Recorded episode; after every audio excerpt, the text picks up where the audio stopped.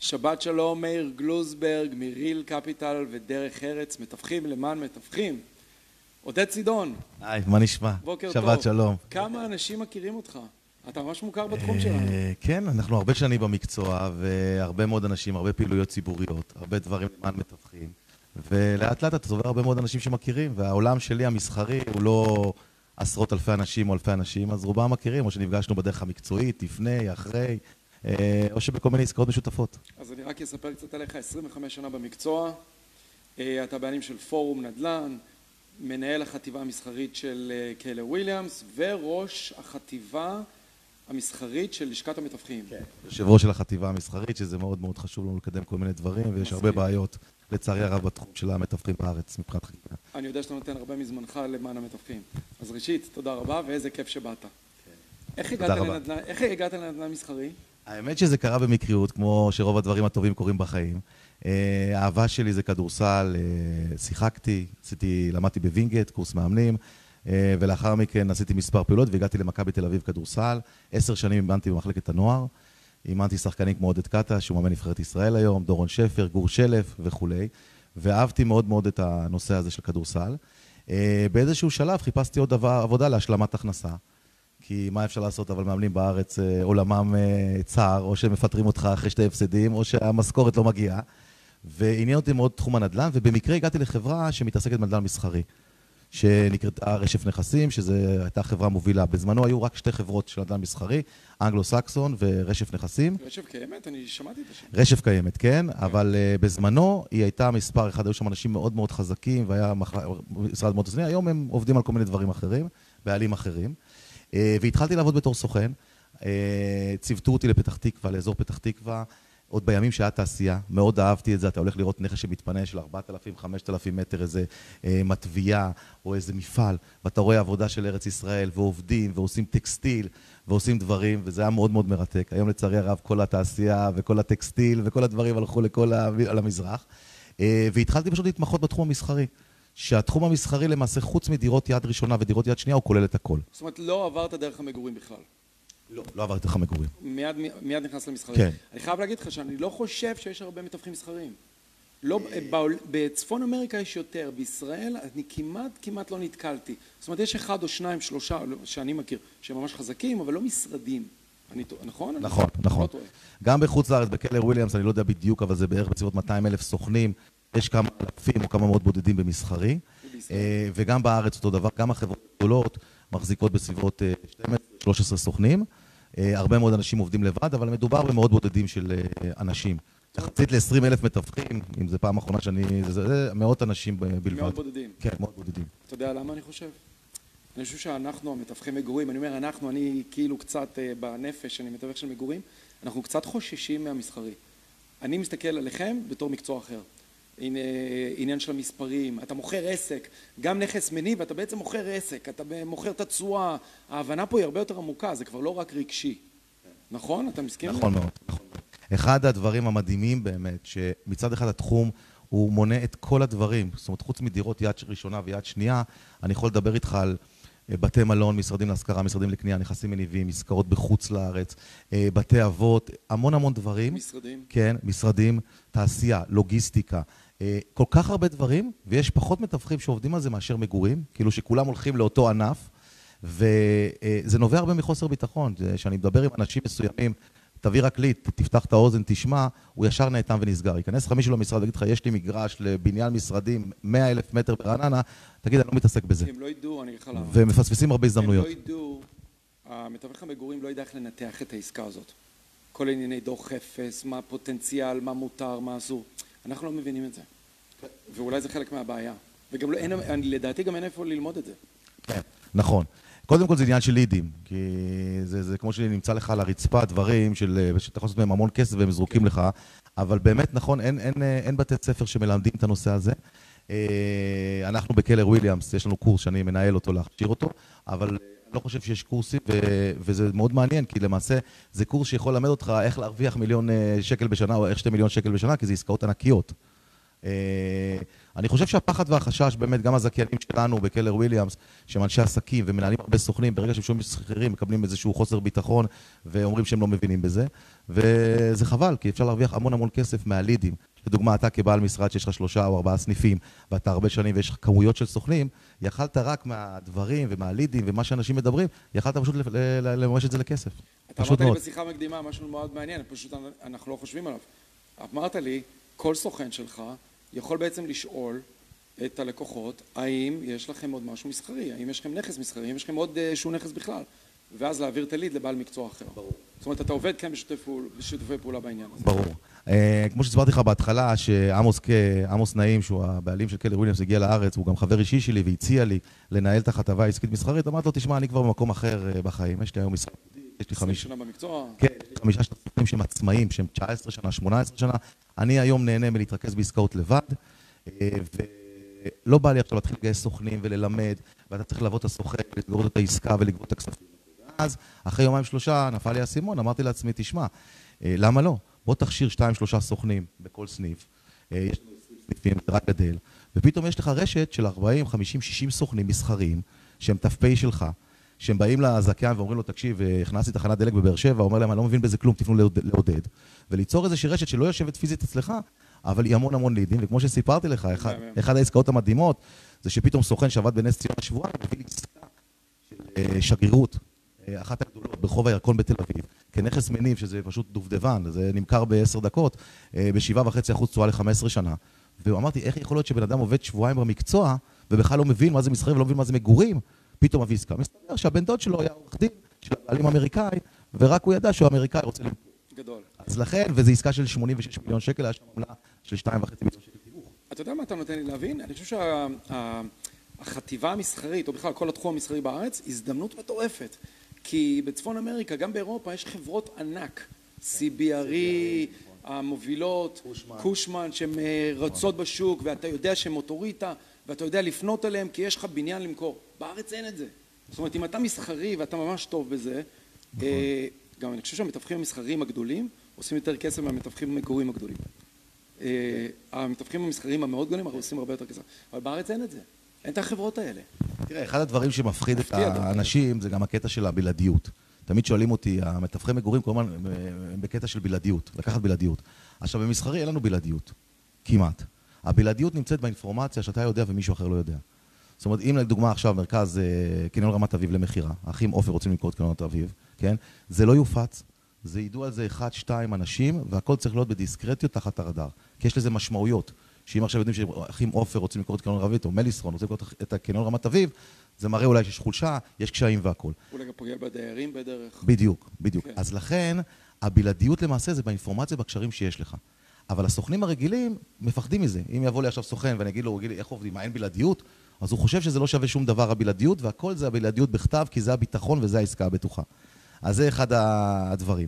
אבל אין ספק שבעסקה אחת או שתיים אתה יכול להביא עמלות של המון המון כסף. וזה חברות, הכל עסקי, הכל מסחרי. רוב העסקאות נעשות דרך מתווכים, עורך דין, או רואה חשבון, או מתווכים. כי אתה לא מצפה שמנכ"ל אה, חברה, הוא לא רוצה ללכת עכשיו, קודם כל התיווך זו הוצאה מוכרת בשבילו, המע"מ זו הוצאה מוכרת בשבילו, והוא לא ילך לחפש עכשיו משרדים אה, עם האוטו אה, לחפש, אלא הוא מפעיל מתווך. אבל יש צד שני למטבע. אני חושב שכאשר אתה עושה עסקה, היא לוקחת הרבה הרבה יותר זמן ויש אי ודאות עצומה. כאשר אתה הולך לנתח איזשהו נכס מסחרי, ויש התניות ובדיקות, זה, זה עסקאות הרבה יותר ארוכות ומסובכות, ולא לכולם יש את האורך רוח ואת הסבלנות להחזיק את העסקה הזאת ככה הרבה זמן. ואולי זה אחד מהפקטורים שמפחידים אותם. קודם כל זה נכון שאתה מתרכז בשלוש-ארבע עסקאות בשנה, אז יכול להיות גם מצב שפתאום העסקאות בסוף לא יצאו ונשארת, זה, זה נכון. זה ריצה למרחקים ארוכים, זה מרתון, זה לא 100 מטר, ספרינט. אבל מצד שני, אם אתה מקצוען ויודע לנתח את הדברים, אז אתה עושה את העסקאות האלה משתי סיבות. דבר ראשון, טעם אחד, זה שיש המון כסף בארץ, המון. אה, חברות שגייסו המון המון כסף באג"ח עם חברות נדל"ן, יש קרנות ריט, סלע קפיטל, שעצם המהות שלהם זה לקנות נכסים מניבים. יש חברות ביטוח, שאנחנו עובדים איתה הרבה, כן, חברת מגדל, זה, יש להם המון כסף שאין להם מה לעשות, כי הם יכולים להביא 2-3 אחוז בשנה. כסף ציבורי. כן, והשקעות סולידיות. כן. עכשיו, אם אני נותן להם נכס 6-7 אחוז, יש להם פה עוד 4-5 אחוז, זה כמעט פי שלוש על התשואה שלהם. ואין הרבה אנשים שבעצם יכולים להביא להם מספר. כן, עכשיו, אז הם מחפשים בטירוף את הנכסים המניבים, כסף לא חסר להם. לגבי התהליך, תשמע, אתה, מבחינת מתווך, התהליך הוא יותר קל מאשר להשכיר אה, דירה של שלושה חדרים, ואני אסביר לך מדוע. הת- התקופה שלוקח את החודשיים שלוש של הבדיקות, וכל הדברים האלה, נכון שזה לוקח, אבל אם אתה מייצר מספיק עסקאות בשנה, אז אתה, בסוף זה סטטיסטיקה, אתה סוגר עסקה, או כמה עסקאות. מה זה אומר? אני, לדוגמה, מכרתי עסקה של 150 מיליון שקל בהוד השרון. אז uh, הצעתי אותה. הלכתי, הצעתי לחברה, קנו אותם אחת החברות ביטוח הגדולות בארץ. אמרו לי, רוצים לעשות סיור, זה מעניין. עשו סיור בנכס. אחרי זה אמרו לי, אנחנו רוצים... שיחה מכינה עם הבעלים. ואחרי זה אמרו לי, תקשיב, לא צריך... כבר שלושה חודשים, שיש לך צ'ק של מיליון שקל. רגע, כשאתה הולך לעשות עסקה כזאת, אתה מחתים אותם כ- כמו שאנחנו כן. עושים פה, כן. מחתים אותם כן. על עמלת תיווך, כן, הם חתומים, הם... אה, כן. ואין הם לא- התנגדות בדרך כלל לחתימות האלה? אין התנגדות, כי זה אנשים שעובדים בתפקידים. סתם מדבר, ביטוח מגדל, יש מנכ"ל של הנכסים יש המניבים. ביוקרטיה, זה הוא לא יכול לפעמים לחתום או שכן. בסדר, הם מדברים על מורשה חתימה, או שמחכה עד יש שיש אישור, כן. ודאי. אבל כי מבחינת תכל'ס שהם משלמים, כן. ותכל'ס שהם חותמים, אין בעיה, כאילו. אבל ברור להם. המסר שלך, לנו, המתווכים מגורים, הייתה לנו גם שיחה מקדימה, היא, אני אגיד את זה בשפת הרחוב, רבאק. כן. אתם מכירים, אתם השכנים שלכם, אתם מכירים אנשים, אין סוף הזדמנויות, תזהו אותם. בעלי, בעלי תפקידים בחברות האלה, הם, הם נוגעים בזה כל יום, ואתם מתעמקים בבתים ובמגורים, וזה עובר לך מעל הראש. ונלחמים עם אלפי מתווכים גם, מלחמת נכון. עולם. ובעצם אם היו רק מרימים טלפון לעודד ואומר עודד תשמע יש פה לשכן שלי או ללקוח שלי גם איזה הוא בעל תפקיד או שיש איזשהו נכס מסחרי אולי יש פה עסקה ברור, הרבה יותר גדולה ברור. ואנחנו ברור. מפספסים את זה ברור. וזה, גם זה בכל הארץ. זאת אומרת, גם אם אתה עכשיו ברמת השרון, כן. והיית פה באיזה דירה, ופתאום אומר לך, יש לי אה, תחנת דלק בצפת, או יש לי איזה מגרש לוגיסטיקה ברמלה, אז לא משנה, אנחנו עובדים בכל הארץ. אז לכן הסיכויים, ויש הרבה מאוד אנשים עם כסף, רוב האנשים שנמצאים בכסף גם משקיעים בנדל"ן. זאת אומרת, מישהו שיש לו מפעל גדול, או שיש לו עסק גדול, יש לו גם איזה אחיזה בנדל"ן, יש לו איזה נכס. נכון. לכן זה פשוט לשאול, זה כל כך פשוט, אבל uh, אנשים ממוקדים כל הזמן בנושא של המגורים, ובשבילם זה עולם אחר, זה כאילו כדור זה- הארץ ו- והירח. אתם גם עובדים שעות אחרות הלייפסטייל שלכם הצורת חיים היא אחרת אני חושב שיש לכם פחות לילות פחות סופי שבוע פחות שיחות נפש הכל אצלכם יותר מספרים זה קצת יותר עסק ברור. אולי אולי יש לכם גם את הכבוד הזה שאתם קצת יותר עסק אני חושב לא, תשמע, קודם כל אני רק רוצה להגיד עוד דבר במה שדיברנו, שבזמנו עשינו איזו עסקה של 5,000 מטר בהרצליה פיתוח, באזור תעשייה. זו עסקה סדר גודל של, זה היה בסביבות 100 שקל למטר, וחניות בסביבות חצי מיליון שקל אה, חודש שכירות. שלהם, כפול שתיים. כי אחד היתרונות בתיווך של המסחרי, שתמיד אתה מקבל שני הצדדים. הבעלים, עזריאלי, לוינשטיין, רובינשטיין, בסר, תמיד משלמים תיווך. אז יש פה עמלה כפולה על אותו, על אותו עבודה. אה, והוא בא, הוא מאמן כדורסל בכלל, עוד פעם כדורסל, אני צוחק, מאמן כדורסל. רגע זה שהיית מאמן כדורסל אני חושב שתורם המון כנראה ליכולת שלך לאמן את הסוכנים וכולי כן. נכון, נכון, אני אני אוהב את זה. יש קשר ישיר כן. זה שהיית מאמן כדורסל יש את ההישגיות אני הייתי אגב שחיין אה, הייתי שחיין. תחרותי כן. וגם עשיתי את הקורס מאמנים בווינגייט למאמנים מדהים. אני חושב שזה כן נותן כלים, ההישגיות הזאת, התחרותיות, כן. ה- היכולת להתמקד, היא מתבטאה כן. ב- ב- ב- בהצלחה שלנו בתיווך. כן. אתה לא חושב? קודם כל, אני חושב מאוד, ורוב העובדים שאני מקבל, אני שואל אותם מה הם עשו בעבר, מי שהיה ספורטאי מקצועי, אני מדבר גם אם בכיתה ג', ד', ה', הוא היה בהתעמלות מונוטית או בהתעמלות מכשירים, אני ישר מחייך, כי אנשים שיש להם את הדבר הזה, תחשוב, ילד שמתאמן מכיתה א' עד ז', כל בוקר, קם בשש וחצי בבוקר, הולך להתאמן, אכזבות, פציעות, מטרה, ואז אתה מגיע לתחרות שהתאמנת עליה חצי שנה וקורה משהו, ולקחת לא מקום ראשון, ואתה צריך לבנות את עצמך עוד פעם מחדש. כל הדבר הזה התחרותי מתחבר, ולא פלא שאנשים כמו פט ריילי שכתב בזמנו ספר, או אריה מליניאק ועוד אנשים, הופכים את הקטע הזה וכתבו ספרים איך אתה מאמן חברה להגיע להישגיות מתחום הספורט. כל כך קשור. ו- וזה מאוד מאוד נכון. כולל גם מה עשית בצבא, אבל זה כבר שיחה- כן. שיחה נפרדת. עכשיו, מה שרציתי רק לסיים את, לגבי הסיפור, אז אותו בן אדם, אחותו עבדה בתור מנהלת אה, אמרה לו בארוחת שישי שמחפשים משרדים. ואותו בן אדם, מה שהוא עשה, לקח והרים טלפון למספר מתווכים. אמר להם, יש לי ליצ'יק, חברה מחפשת 5,000 מטר, ועשו עסקה משותפת, והעמלה התחלקה 50 50 אחוז, 50 אחוז. וואו. זאת אומרת, זה שהוא ידע שהיא מחפשת, הוא דאג לקשר לבן אדם הנכון. עניין של טלפון וחצי ו- ו- ומסירת ליד, לקח חצי מיליון שקל תיווך. אנחנו לא תמיד אה, מסתובבים עם העיניים פקוחות. כן. זה עובר לנו לפעמים מעל הראש. מרוב המיקוד הזה במגורים, זה לפעמים עובר בראש. ואני לא אומר שמתווך צריך אה, לשנות את הייעוד או את המיקוד, אבל רק להיות קשוב. במאה אחוז. אה, אה, אני חושב שלהתמקד זה הדבר הכי חשוב בחיים. נכון. מומנטום, התמקדות, ואין ספק שצריך להיות מתווך מגורים, להמשיך לעשות טוב מה שאתה עושה, נכון. אבל להיות גם ער להזדמנויות שמגיעות. אני חושב שאני אקח את זה עוד שלב, אני, המסר שלך גם, תכיר מתווך מסחרי, שתמיד יהיה, כמו שיש לך עורך דין, יהיה לך גם מתווך מסחרי, שיהיה לך מישהו בטולבוקס שלך, בארגז הכלים, שאתה תוכל להעביר לו את הליד הזה. אני חושב שזה מה שאתה אומר. נכון מאוד מאוד. כן, נכון מאוד מה שאמרת. אני אגיד לך שוב, משהו מצחיק. אה, אני משתמש לפעמים במתווכים, למרות שאני יכול לעשות את העסקה לבד, אבל זה ייקח יותר זמן ולא בטוח. אני משתמש במתווכים, משתף ומחלק עמלות, בגלל אותו קשר שאתה אומר.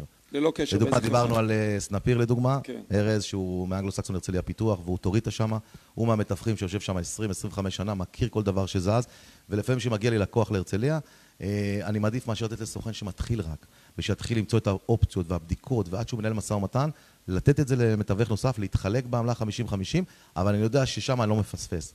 הוא יראה לו את כל הנכסים, הוא יודע גם לסגור עסקה, הוא מכיר את הבעלים טוב, הוא יודע איפה אפשר ללחוץ, נקודות רגישות, ולכן רוב העסקאות הגדולות והענקיות, יש פה מספר אנשים, אבל הקופונים מספיק גדולים בשביל לחלק אותם. והמסר גם הכי חשוב במה שאמרת, בסופו של יום, בזכות השיתוף פעולה, נתת את השירות הטוב ביותר ללקוח שלך. כי אתה השתמשת בארז סנפיר, אם הוא היה יודע שאנחנו מדברים עליו דרך אגב, כי אתה השתמשת בארז סנפיר בהרצליה פיתוח, שהוא כנראה הבן אדם שמכיר את המטריה הכי טוב. אתה נתת את השירות הכי טוב ללקוח שלך בזה ששיתפת אותו. נכון. וזאת השורה התחתונה. אז מה זה שאנחנו... מה שיזכרו כן, לך גם. מאוד מאוד חשוב מה שאתה מציין עכשיו. תראה, בעולם העסקי-מסחרי שאנחנו פועלים בו, זה לא עסקאות חד פעמיות. זאת אומרת, אם אני עושה עסקה עם חברה מסוימת, זה עסקאות שעושות הרבה עסקאות. והחברות שעושות הרבה עסקאות. לכן חשוב מאוד, היחס של האמון כלפי המנכ"ל וכלפי הסמנכ"ל, שהוא יודע שהוא יכול לסמוך עליך, זה מוביל אותך להרבה עסקאות. סתם לדוגמה, נלך על משהו כמו, נגיד חברת AMPM, או סופרסל, או סופר פארם. אם אתה נכנס לשם ואתה עושה עבודה מקצועית, אין סוף עבודה, הם כל שנה פותחים 20-30 סניפים. אז הם יודעים שאפשר, והם עובדים גם לעבוד עם, הם אוהבים לעבוד עם מספר מצומצם של מתווכים, הם לא עובדים כל אחד. אני בזמנו, אה, היה סיפור של זה, שהייתי צעיר, והייתה איזו עסקה שצריך לחתום אה, ביום שני, אני לא אשכח, ב-10 בבוקר, וזה היה הרבה כסף עמלה, בתור סוכן פתאום להרוויח איזה סכום של 70, 80, 90, 100 אלף שקל, ופתאום גיליתי שיש מכרז של המינהל באותו אזור. הלכתי לבעל החברה, שהוא אחד הדמויות המוכרות בארץ, ואמרתי לו, תקשיב, תבטל את העסקה. הוא אומר לי, מה קרה? וזה יום שני אנחנו חותמים, אני רוצה את המגרש הזה, זה היה מגרש לוגיסטיקה. אני אומר לו, תקשיב, אני גיליתי שיש שם אה, מינהל מפרסם שבוע הבא קרקעות, וזה יהיה יותר זול. הוא אומר לי, תגיד, אתה השתגעת וזה? מה, אתה לא רוצה להרוויח כסף? הייתי ממש צריך להתווכח איתו בשביל לבטל את העסקה שלא הרווחתי כסף, כי המינהל זה מכרזים שאין תיווך, הוא ידע את זה לבד. אבל מאותו רגע קניתי אותו ל-20 שנה. הוא אמר, אני לא מכיר בן אדם. שוויתר על כסף, שאמר לי לא לעשות עסקה, נלחם בי ורב איתי, אבל 20 שנה אחרי זה ליוויתי אותו בהרבה עסקאות. לא רק זה, היתרון בך, שאתה עובד עם הרשתות למשל, כמו שציינת, כשאתה מוכר נכס, בית, אתה, המשפחה קונה פעם בכמה שנים ואולי פעם אחת בחיים. אתם, כשאתה עובד עם, אה, אה, הזכרת שופרסל, AMPM, אתה מוכר עוד ועוד, זה מערכת יחסים, זה קצת, זה משהו שמתמשך. אם אתה עושה עבודה טובה, יש לך עסקה כל הזמן. בדיוק, אומרת, זה בדיוק. לא חד פעמי. בדיוק. בוא ננתח שנייה כן. את הבסיס, בסיס, בסיס, כי אני יודע שאתה בעל ניסיון עצום. ההבדלים הבסיסיים בין מתווך מסחרי למקצועי. למגורים, סליחה. גם מגורים מקצוענים, סופר מקצוענים. שלא נכון. נקבל לזה. מגורים, מסחרי. כן, תראה, דבר ראשון, יש מספר פרמטרים גם מקצועיים שצריך לדעת, אבל אפשר ללמוד אותם. לדוגמה, במשרדים, נגיד, להשכרה, אה, הולך מחירים לפי מטר, כמה ארנונה, כמה דמי ניהול, אה, ברוטו נטו, אה, מה זה גימור מלא, אה, פרקטים, תקרות אקוסטיות. אז יש מספר פרמטרים מקצועיים שאפשר ללמוד אותם, זה לא הדבר שהוא, אה, שהוא חשוב. אה, יש את העסקאות היותר מורכבות, שזה לנתח עסקה ברמת אה, חשבון סנדלרי ראשון, שמגיעה עסקה ומישהו אומר שהוא רוצה למכור מגרש, אני עושה חישוב כמה אתה מוכר, כמה עולה לבנות פחות או יותר, אה, עלויות מימון וכולי, שאנחנו עושים איזה דוח אפס מסוים, לראות אם העסקה טובה או לא, כי אחד הבעיות, אני לא יודע אם זה במגורים, אחד הבעיות במסחרי, שאנשים מבזבזים זמן המון על עסקאות שהן לא שוות, והן לא יהיו טובות ולא יתבצעו. אבל אין להם אבל- את הניסיון לדעת את זה.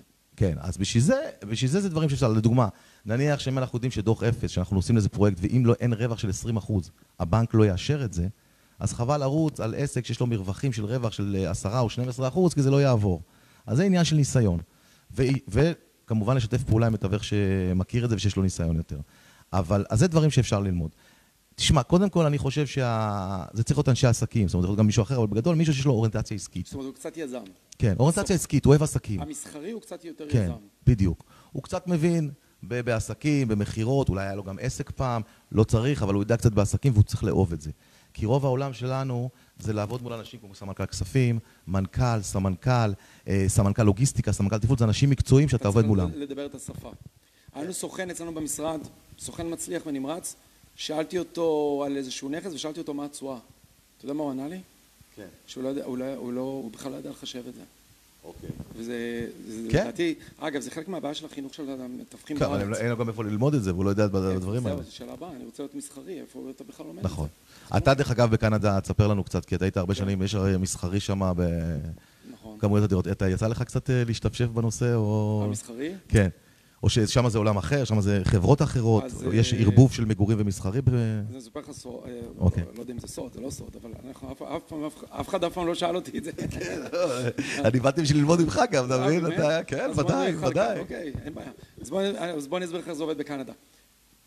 יש לי משרדים די ידועים אגב, בטורונטו ובסביבה, והם עושים רק מגורים. ומתוך אלף סוכנים שיש לנו בחברה, יש לנו אולי רק חמישה שהם עושים מסחרי, ודרך אגב הם מבוגרים, והם קצת לא קשורים אלינו באיזשהו מקום בתרבותית, ואף אחד באמת לא יודע מה הם עושים כל היום. אבל יש להם יתרון אחד ענק, הם לא עובדים לילות, לא עובדים סופי שבוע. זאת אומרת, אתה יודע שהם עושים יותר, מדהים, יש משהו מדהים. בלייפסטייל שלהם יותר מקצועי. נכון. כל היום הם- מסתובבים עם החליפה וזה, והם קצת שונים. אבל המסחרי הגדול, העסקאות הגדולות, מטבען בכלל לא באות אלינו. לא מדברים איתנו. אם אתה מנכ"ל של חברה, או אתה בעלים, אני אומר לך את זה בצורה הכי מזוקקת, ואתה בעלים של אה, נכסים גדולים, אתה בכלל לא תגיע אלינו. למרות שאנחנו חברה ידועה עם הרבה סוכנים, אתה תגיע לקושמנים, ל-CBRE, אה, בדיוק, אתה תגיע לחברות הגדולות שהן מבינות את השפה, יודעות לנתח את זה, ויש להן את המערכת קשרים. זאת אומרת, זה עולם אחר לגמרי, וגם אין קשר בין הסוכן המסחרי למתווך, המגורים. אבל עכשיו נגעת בשאלה ששאלת עליי, אם אתה כבר רוצה כן, לדעת. כן, ודאי, אני ודאי. קונה נכסים, אני עליתי על נישה מאוד מעניינת, כי אני כן אוהב מסחרי, למרות שמאוד נפגעתי עכשיו מזה, בגלל הקורונה. אני כן אוהב מסחרי. גיליתי נישה מאוד מעניינת, שהיא קצת דומה לנו. התחלתי לקנות, וזה, נכנס לזה במקרה, נכסים מסחריים קטנים, כמו שהיום יש בפלורנטין, רק באזורים מסוימים בטורונטו, שיש בהם נגיד חנות וכמה דירות. מעניין מאוד, מעניין מאוד. כמו שיש בפלורנטין, שתי חנויות, דירות. והתחלתי לפרק, לשפץ, והבנתי שאני גם נהנה גם מהמגורים, גם מהמסחרים, מהמסחרי, לפעמים יש קשר בין הדייר שגר למעלה, שגם עובד למטה, אה, מעין אפילו קהילות קטנות, אז התחלתי לקנות אותם. עכשיו, למה נכנסתי לזה? שזה גם במקרה, ולמה זה הפכה לנישה ממש מצליחה באופן יחסי? כי השחקנים הגדולים, בגלל מה, זה קשור למה שאמרתי מקודם, השחקנים הגדולים הגדולים הגדולים, כשיש נכס כזה בשלוש מיליון אה, דולר, לא מעניין אותם. זה קטן אוקיי. מדי, כן. אז אין קונים. השחקנים הקטנים, קטנים, קטנים, קטנים, המשקיעים, גדולה להם מדי. הם רוצים לקנות דירות. כן. הם רוצים להשקיע בדירה. אתה רוצה להשקיע, אתה תקנה דירה. ברור. גם לא מסתכלים. איזה אז- מעניין, מרתק. אז אני... ואז זה מוצא- נשאר הנישה הזאת בדיוק. פנויה. אז אני פתאום מוצא את עצמי שאני מסתכל על בניין, חנות, מסעדה, ארבע, חמש דירות, אגב, אני לוקח את זה גם בשלב הבא, אני מפרק את זה לשמונה דירות, והתשואה מטורפת. ואף אחד לא שם לב, מדהים. ואף אחד לא קונה זה זיהוי, אה, נכון, זה זיהוי של אז- פלח. אז קלטתי שיש פה נישה הזאת. אז אתה שואל אותי אם אני מסחרי או מגורים, אני מגורים במהות, כי אני אוהב את הרגש. המגורים בשבילי זה רגש. אין ספק שמגורים זה יותר רגשי. הרבה יותר רגשי. כן, אין אני- ספק, אין אתה- ספק. אתה מגשים חלומות לאנשים שגרים בבית.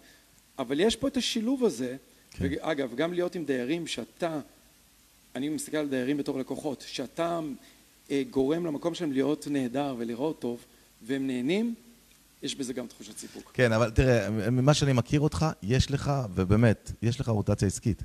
זאת אומרת, הראש שלך, בנשמה. אה, זהו, יזם בנשמה. בדיוק, היזם, יש לך ראש אה, ביזנס, זאת אומרת, אם נניח היית עובד בתחום המסחרי, כרגע אתה מתחיל בתור סוכן, אתה דוגמה לבן אדם שיכול להיות אה, במסחרי להצליח, כי הראש שלך עובד יזמי, ואתה מבין, ואתה חושב, ואתה אוהב את הביזנס. אגב, זה נקודה מתווכים- מאוד חשובה. המתווכים המצליחים גם של המגורים, הם לא אלה שישבו ויחכו. המתווכים המצליחים הם יזמים. הם רואים הזדמנויות. מישהו שמחפש בית מסוים, ואתה מחפש במאגר את הבית הזה, לא מצאת, זה לא מספיק. אתה צריך ליזום, לראות אולי האם יש מישהו שמשכיר נכס שיהיה מוכן למכור, אולי מישהו שמכרת לו לפני שלוש שנים וזה מתאים, תתקשר לשאול מה נשמע. המתווכים המצליחים הם יזמים, וזה לא משנה מסחרי או לא מסחרי. תראה, מה שאמרת קודם, אה, קודם כל, אצלנו בסניפים, לדוגמה, סניף ניו יורק שהיה 700-800 סוכנים וכולי, יש המון המון עסקאות ושיתופי פעולה בין המסחרים לבין המגורים. זה ב-DNA שלהם. רוב העסקאות נסגרות במשרד. בתוך, המס... בתוך אותה כן, חברה. באותה חברה. אגב, זה היתרון של רשת גדולה. קלר וויליאמס יש לה יתרון. נכון. אבל אותם אנשים יש להם אוריינטציה שהוא מביא איזה ליד של מסחרי, הוא ישר מעביר את זה למחלקה המסחרית. זאת אומרת, הוא כל הזמן מחפש לידים בפגישות של המגורים, אני מדבר על הסוכני מגורים. הוא כל הזמן מחפש לידים של מסחרי, כי הוא אומר, זה ליד, אני מקבל 25 אחוז, אני לא עושה יותר מדי מאמץ, והם כל הזמן באוריינטציה בראש לשבת. אני נוסע לסניפים שלנו פעם בשבועיים, שלוש, וכל הזמן אני יושב עם האנשים ואני מסביר להם. אה, יש 40 סוכנים שיושבים מולי. אני בא, קודם כל אני פותח להם את העסקאות. חבר'ה, בואו נספר לכם על באר שבע, כן? אה, חודש עבר נמכר נכס מניב ב-86 מיליון שקל. אה, נמכר גם קניון ב-50 מיליון שקל. אני מקריא להם כמה עסקאות, הם בהלם, כאילו, ומכירים את הנכסים. בניין משטרת ישראל ברמלה, נמכר. אני אומר, חבר'ה, בכל העסקאות האלה היה פה מתווך. מישהו גזר פה כמה מיליוני שקלים תיווך. נכון. אתם יכולים לעשות את זה. אז כל הזמן אני מנסה להכניס להם את הדברים האלה לראש, ואני רק מבקש מהם באמת, באותן שיחות סלון, שיגידו גם שקלר וויליאמס מתעסקת במסחרי, שלא תזוהה אך ורק עם המגורים. אין את התרבות הזאת בארץ. כן. עכשיו, הקטע של המסחרי, עוד דבר אני רוצה להגיד, אה, קלר וויליאמס זה קלר וויליאמס. גרי קלר הוא המייסד האגדי, הוא אחד האנשים המדהימים בעולם, ומשהו מטורף. ויש בחור בשם וויליאמס, שהוא הקים איתו את הרשת, הרי איך הכל התחיל. היה להם איזה משרד בארצות הברית, ויום אחד עזבו אותו כל הסוכנים. 13 סוכנים עזבו אותו, הוא נשאר בלי סוכנים, ואז הוא בא לשותף שלו, לוויליאמס, ואמר לו, תקשיב, אני רוצה להקים רשת שלמען סוכנים. אני רוצה שבחיים לא יעזבו אותי סוכנים. ומזה התחיל כל הסיפור. אבל וויליאמס, לדוגמה, הוא פרש אחרי כמה שנים, והוא מתעסק במסחרי. זה הסיפור. זאת אומרת, הוא יכל להיות קלר וויליאמס, אני מקווה, אני מאמין שיש לו איזה דיבידנדים ואחוזים, כי השם עדיין נמצא, אבל הוא באופן אישי, שפגשנו בארצות הברית, הוא מתעסק במסחרי. הוא, חולה על מסחרי, אוהב מסחרי, לא מעניין אותו הרשת, לא מעניין אותו מגורים, לא מעניין אותו רווחים. מתעסק כל היום בעסקאות מסחריות. הוא עדיין בעל מניות, האמת, אני לא יודע. אני מאמין שכן, אבל זו שאלה טובה. יש את כל הספרים של גרי קלר, אה, מתווך המיליונים, זה הראשון. אני מאוד ממליץ לכל מי, ש... מי שרוצה להיות רציני בתחום, ספר מומלץ, יש עוד כמה ספרים שאני יכול להמליץ, אבל אה, ספר, מהמם על כן. אה, עולם התיווך. כן, ברור. שאלה אחרונה, כן. ואולי זה יפתח עוד שאלות. פוסט קורונה, מה קרה פה בכללי בקורונה ואחר כך זה היה רעידת אדמה בתחום שלכם? לא במגורים דרך אגב, אצלכם זה הייתה כן. רעידת אדמה. תראה, מה שקרה זה שתפס לנו די בשיא, בסביבות סוף שנה שעברה, חברות גייסו המון כסף. 700 מיליון, 600 מיליון, 400 מיליון שקל חברות אה, יזמיות בשביל להשקיע בנדל"ן מסחרי אה, והשוק היה בשיאו. גם מבחינת תשואות, שבדרך כלל זה 6-7 אחוז, הגענו לעסקאות של 5.5 אחוז, שזה מראה כאילו כמה היה כסף שחיפש עסקאות.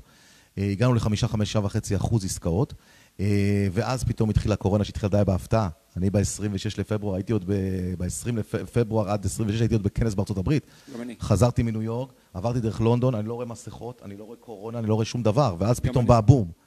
אז... בהפתעה מטורפת. כן. וגם השווקים כן, נפלו. כן, כן, מטורף, אגב, מטורף.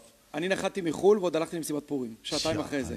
לא יאומן. ואחרי זה שבוע לא ישנתי בלילה, אמרתי, יואו, הדבקתי אולי את כולם במסיבה. לא יאומן, מטורף. כי הסגר התחיל רק יומיים אחרי. מטורף. ואז קלטתי, יואו, מה עשיתי? מטורף. כן, מזל, לא קרה כלום. כן, מטורף, ועוד אני זוכר ש... זה קרה בבת אחת, ברור, לא ציפינו. ברור, עוד חבר שלי אומר לי, תקשיב, אל תבוא לבקר אותי אחרי שחזרת קורונה, אמר לו, מה זה קורונה? לא הבנתי מה זה.